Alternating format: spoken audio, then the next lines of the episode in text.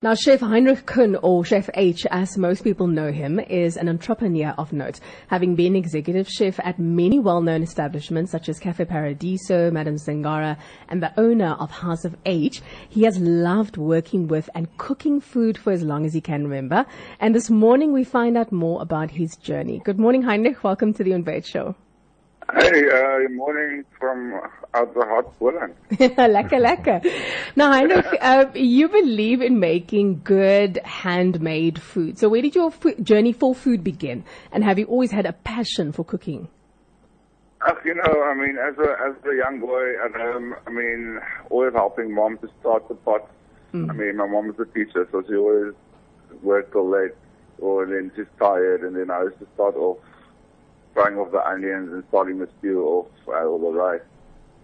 And on the weekends, having to do the toasted sandwiches or the Wonder Cooker You know, so it started mm. from a young, tender age. Mm. And I mean, by the time I was 13, 14, we were doing catering for birthday parties and weddings and things like that.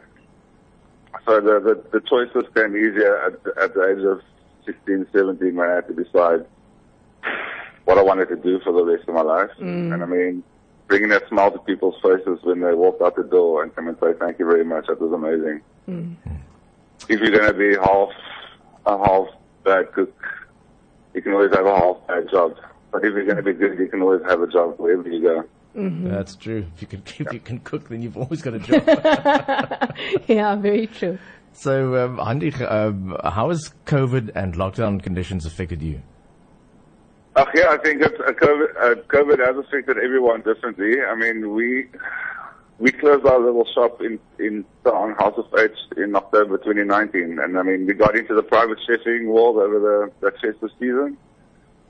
And by the time it hit January, we had a whole lot of jobs booked, and about two months worth of bookings just cancelled. Mm, and I mean, mm. we came out here to the Boland to come chill at a friend's guest house here on the Durham.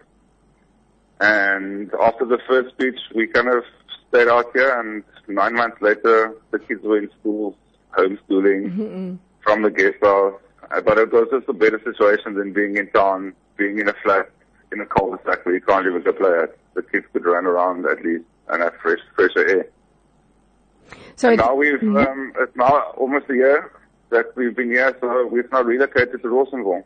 Amazing. So yeah. it definitely has uh, has changed things um, in many different ways, but it sounds like it's yeah, changed definitely. things for the better. Yeah. yeah. Now, Heinrich, you've embarked on something quite exciting in the form of steak classes. I know that Anton Brink, my uh, colleague here next to me, mm-hmm. he is going to be loving this. Please tell us more about these steak classes. Yeah, so it's um, since we've been uh, just thinking about things to do, I mean, steak has always been one of the things that I, what was my last um, call, port of call, with the restaurant as well that we had. Um, giving people that, that little bit of education on how to make the perfect steak, you know? I mean, we've now designed a package where we can do it at our house here in Rawsonville if you wanted to take a drive out. It's only an hour from town and people like that weekend travel, but so we're offering it here from our house. We can drive out to your house. We just had one on Sunday in Somerset West with a really good friend.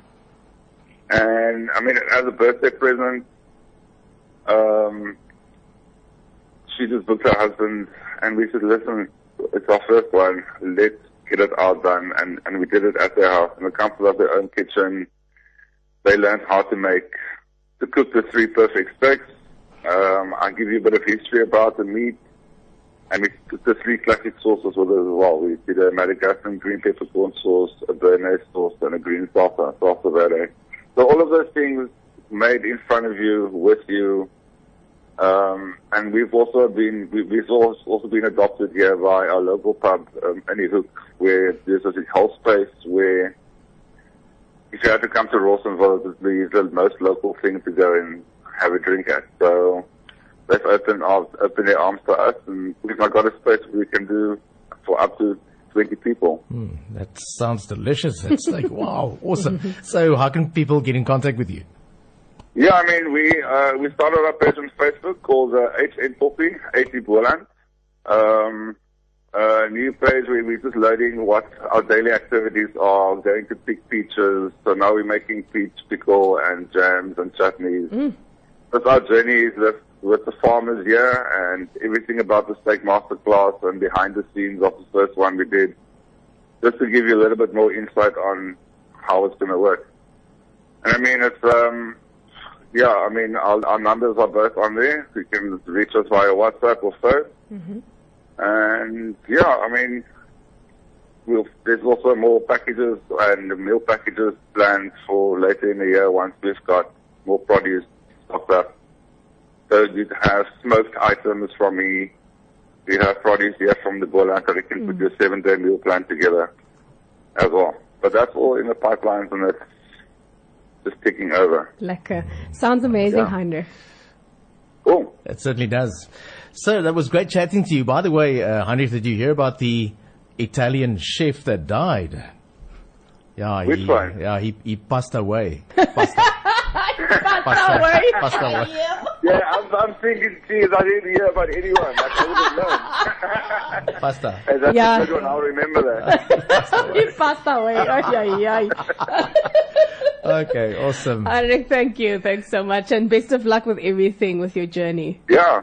Thanks for, thanks for the chat. Thank you very sure. much. Take care. Enjoy your day. Bye bye.